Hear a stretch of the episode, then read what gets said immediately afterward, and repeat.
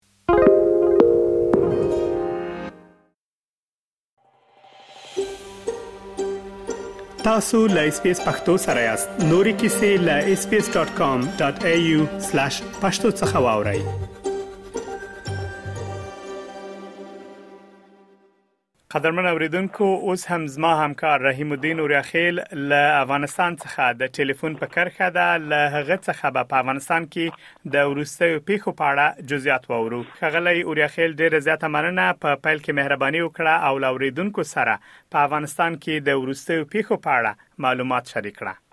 سلامونه خغلی مونیز صاحب تاسو ته او د رادیو ټولو اوریدونکو ته خغلی مونیز صاحب ورستي موضوعات په افغانستان کې یو هم د ملګرو ملتونو د امنیت شورا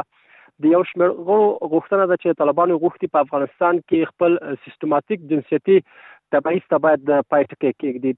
دویمه مسله هم د افغانستان لپاره د امریکا د ځانګړي استازي ټام ویسټ تازه څرګندونې دي چې هغه ویلي په افغانستان کې د طالبانو لخوا د ښځو او نجونو پر زده کړو د بندیز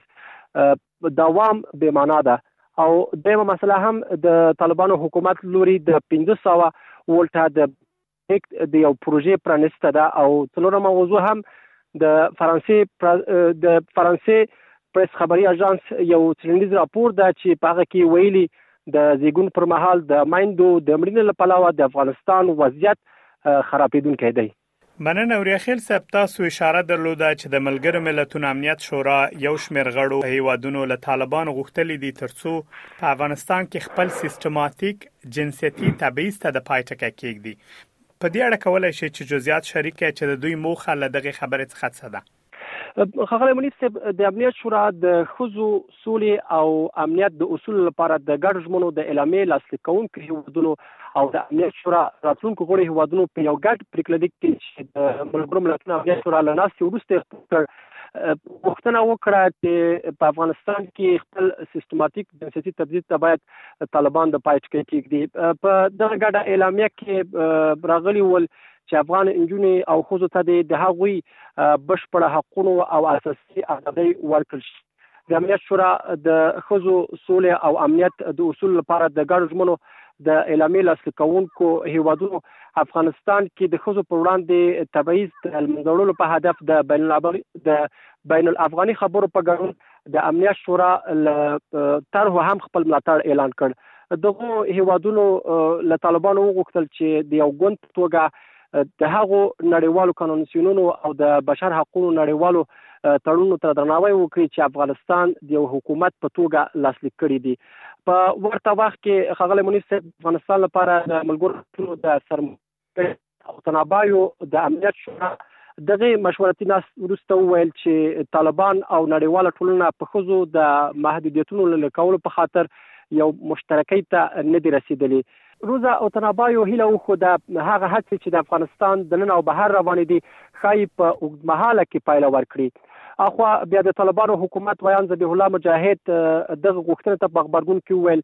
ملګرو ملتونه د لوی قدرتونو لوري اداره کیږي او د همدې هیوادونو د ګټو پر اساس پکې پریکړې کیږي د خغل منیب صاحب د یادونه ده چې د ملګرو ملتونو امنیت شورا په ورستۍ غونډه کې چې د چهار شنبه په ورځ تر سره شو پکې د افغانستان په اړه په ګڼو مسایلو بحث وشو چې د تمرکز په خو طالبانو په محدودیت او د بشري ناورین ټول ورته اوریاخیل صاحب تاسو همدا راز د 1500 ولټه برېښنا پروژې ته اشاره درلوده که په دې اړه جزئیات شریک کړی چې دغه پروژه چیرته عملي کیږي او څه ګټه به ولري؟ ښاغلی مولوي صاحب لکه څرنګه چې تاسو ورته اشاره درلوده د طالبانو حکومت د 1500 ولټه د برېښنا د لیږد د یو بل کیبل پروژه پرانیسته د پنځشنبه په ورځ وکړله د طالبانو د اوبو او انرژي وزارت د معلوماتو لمخې د برېښنا دغه مزه یا لاین په 1500 ولټه برېښنا د جوزجان له شبرغان ښار څخه د بغلان ولایت تر خواجه الوان دښتې او له هغه ځایه بیا د کابل تر ارغندې ورسوي د دغه وزارت د معلوماتو پر اساس دغه پروژه به په دوه کلونو کې بشپړه شي او عملي کېدل به یې د ترکمنستان نه زر میګاواټه اضافي برېښنا افغانستان ته انتقال کړي د طالبانو حکومت داسې مهال د دغه پروژې پرانسته کوي چې افغانان په ځانګړي ډول کابل کې د ژمي له رسیدو سره جوخت د برېښنا د پرچوي له زیاتوالي شکایتونه ډېر شوي دي.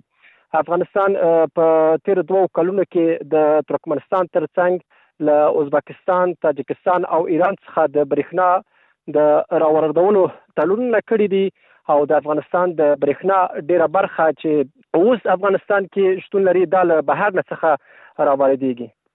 مننه اوریاخیل صاحب همدارز یو بل مسله چې هغه د زیګون پر مهال د مایندو د مړینې مسله ده په دې اړه هم یو راپور خپور شوی ده کولای شي چې د هغه راپور په اړه هم جزئیات شریک کړي چې دغه راپور د چاله خو خپور شوی او جزئیات څه دي دقیقا خغلی منیب صاحب د فرانسې پریس خبري اژانس په خپل یو څېړنیز راپور کې د زیږون پر مهال د میندو د مړینې لپاره له پلاوه د افغانستان وضعیت خرابېدونکی وباله د فرانس پریس خبري اژانس په خپل دغه راپور کې چې تازه خپور کړی د زیږون پر مهال د میندو د مړینې لوی لامل اړینو روغتیايي اسانتیاو ته د لاسرسي نشټوال خودلې وو دغه خبري اژانس په افغانستان کې د ناروې د غیر انتفاعي کمیټې مشر لقوله ویلي ول دوی د افغانستان په لرې پرتو سیمو کې په هر لس زرو زیګونونو کې د 15 زره میندو د مړینې شاهدان دي په راپور کې د په افغانستان کې د ناروې د غیر انتفاعي کمیټې د مشر له قوله ویل شوی ول د افغانستان په ځینو سیمو کې نارینه البته خپل میندوارې مېرمنې تر روغتي مرکزونو په وګو ګرځوي چې ځینې وختونه یې مېرمنې د لارې په وګدو کې ژوند له لاسه ورکوي د فرانسې خبري اژانس په خپل راپور کې ویلي ول چې د پرله پسې هڅو سربېره په افغانستان کې د طالبانو حکومت د عامه روغتیا وزارت چارواکو په دې تړاو ورسره خبرې ونه کړلې فرانس پریس خبري اژانس داسې مهال خپل تړین خبروي چې د ملګرو ملتونو سازمان ویان سټیفانو دوچاریک ویلي ول افغانستان د هغه هیوادونو په ډله کې د پر مهال پکې د میندو د مړینې کچه لوړه ده او په هر دوه ساعتونو کې یوه میرمن د زیږون پر مهال مړ کیږي اوریا خیل صاحب ډیره زیاته مننه چې دغه معلومات مو لاوریدونکو سره شریک کړل ښه وخت ولرئ مننه له تاسو هم خغلی مونږ سیب تاسو هم ښه وخت دی پاون که غواړئ دغه سنوري کیسې هم او رینو د خپل پودکاسټ ګوګل پودکاسټ یا هم د خپل خاكي پر پودکاسټ یو اورئ